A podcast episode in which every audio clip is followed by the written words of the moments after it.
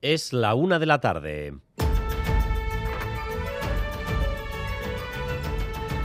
Crónica de Euskadi con Dani Álvarez.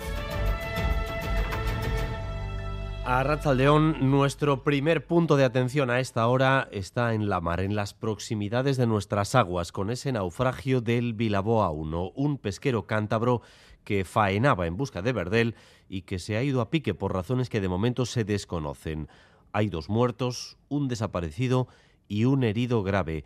Eh, Santander, Cofradía de Pescadores, Natalia Díaz, Arrachaldeón.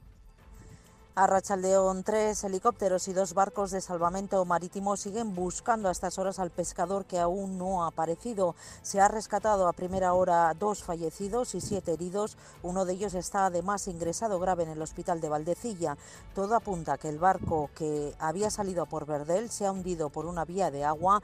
El patrón del barco de Colindres, que primero ha llegado a su auxilio, dice que ya estaba completamente hundido cuando han llegado a la media hora de recibir el aviso.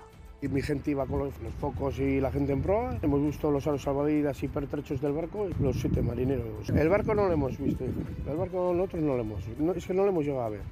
Buscamos enseguida más datos sobre ese naufragio en un instante. Pero antes, hay dos factores que influyen con claridad en los nuevos hábitos de movilidad. Uno, el efecto que ha tenido la pandemia.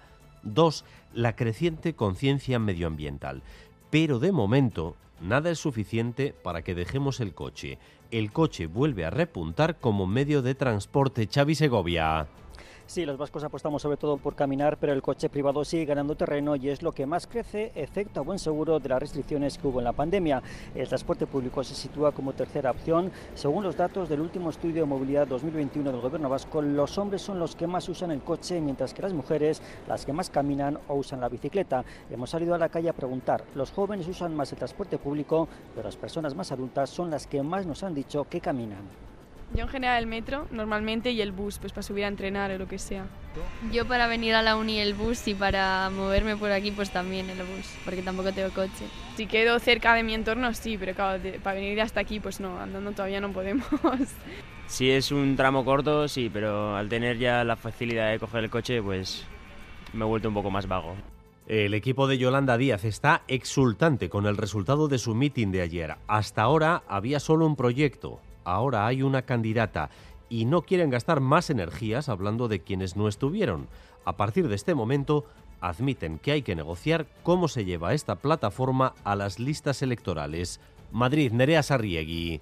Yolanda Díaz deja claro hoy que Sumar va a avanzar, esté quien esté, no será un fracaso si Podemos no está. En los próximos días presentarán el proyecto de país que han diseñado expertos junto a cientos de voluntarios. Díaz defiende su candidatura, aunque insiste en que las primarias para liderar Sumar se celebrarán y pide a Podemos que explique por qué no estuvieron ayer. Responden los morados, Yolanda Díaz tendrá que elegir si va sola con Sumar o con ellos. Si no llegar juntos a las elecciones, dicen, sería un fracaso. Día de huelga en la educación pública de Navarra. Los sindicatos con esta convocatoria pretenden superar el efecto que tuvo la anterior, que alcanzó un 17% de seguimiento.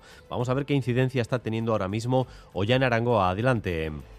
A Rachaldeón desde Iruña, desde la Cuesta de Labrit, donde a esta hora realizan decenas de profesores y profesoras, realizan un acto de protesta. Han cortado esta Cuesta de Labrit, que siete furgonas de la Policía Nacional acaban de abrir, dos carriles abiertos. Aquí siguen decenas de profesores pidiendo una educación pública de calidad. El seguimiento de la huelga está siendo desigual, se está notando sobre todo en los centros de modelo D, en cambio en algunos centros de castellano ni alumnos ni padres sabían que había huelga. Los sindicatos confían en superar ese 17% de la huelga del pasado 15 de febrero. Reclaman al gobierno una negociación real. La presidenta Chivite acaba de decir eh, demostrar respeto al derecho a la huelga y asegurar que los cauces de diálogo están abiertos.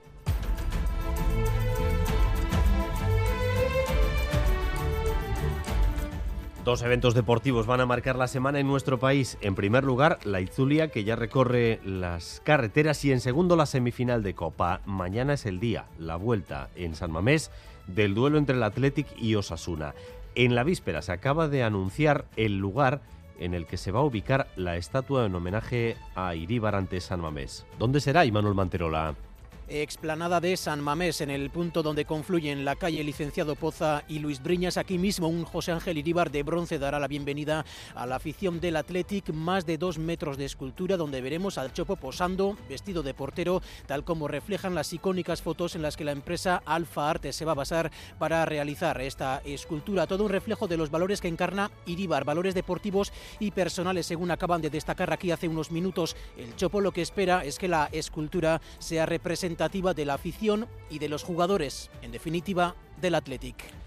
Dos navarros que jugaron también en el Athletic han dialogado esta mañana en Boulevard sobre el partido de mañana. Tico y Miquel San José. Ambos viven rodeados de rojillos, pero tienen claramente el corazón rojiblanco. Soy del Athletic, pero tengo un cariño muy especial a Osasuna. En caso de que no podamos pasar nosotros, pues que Osasuna llegue a la final, con lo que significa también para Navarra, para Iruña, para mucha gente de mi entorno. Esta rivalidad que es bonita, ¿no? Mucho vacile, mucha risa y un partido, yo creo, muy bonito, una gran fiesta un día y ocho horas para ese partido, pero como decíamos, la Itzulia reivindica hoy su espacio. Álvaro Fernández Cadierno, a Rachaldeón. A Rachaldeón, con esa primera etapa que arrancará en apenas un cuarto de hora en Vitoria-Gasteiz, va a unir la capital a la Besa y la Bastida y que apunta final al sprint. Ahora mismo marcha neutralizada por las calles vitorianas.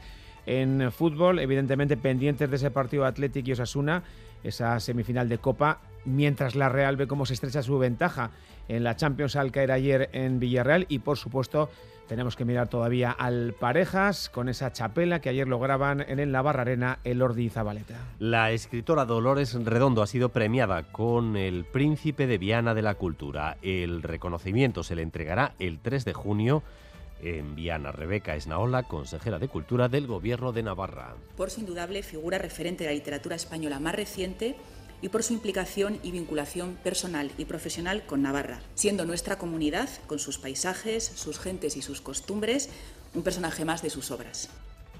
Y de cara a las próximas horas, en cuanto al tiempo, podremos disfrutar de ratos de sol, pero las temperaturas continúan siendo frescas. Apenas 15 grados se alcanzan en Bilbao, 13 tenemos en Bayona o en San Sebastián, 10 grados en Iruña, 9 grados de temperatura en Vitoria-Gasteiz. Gracias un día más por elegir Radio Euskadi y Radio Vitoria para informarse. Raúl González y José Ignacio Revuelta se encargan de la dirección técnica, a Itziber Bilbao de la coordinación.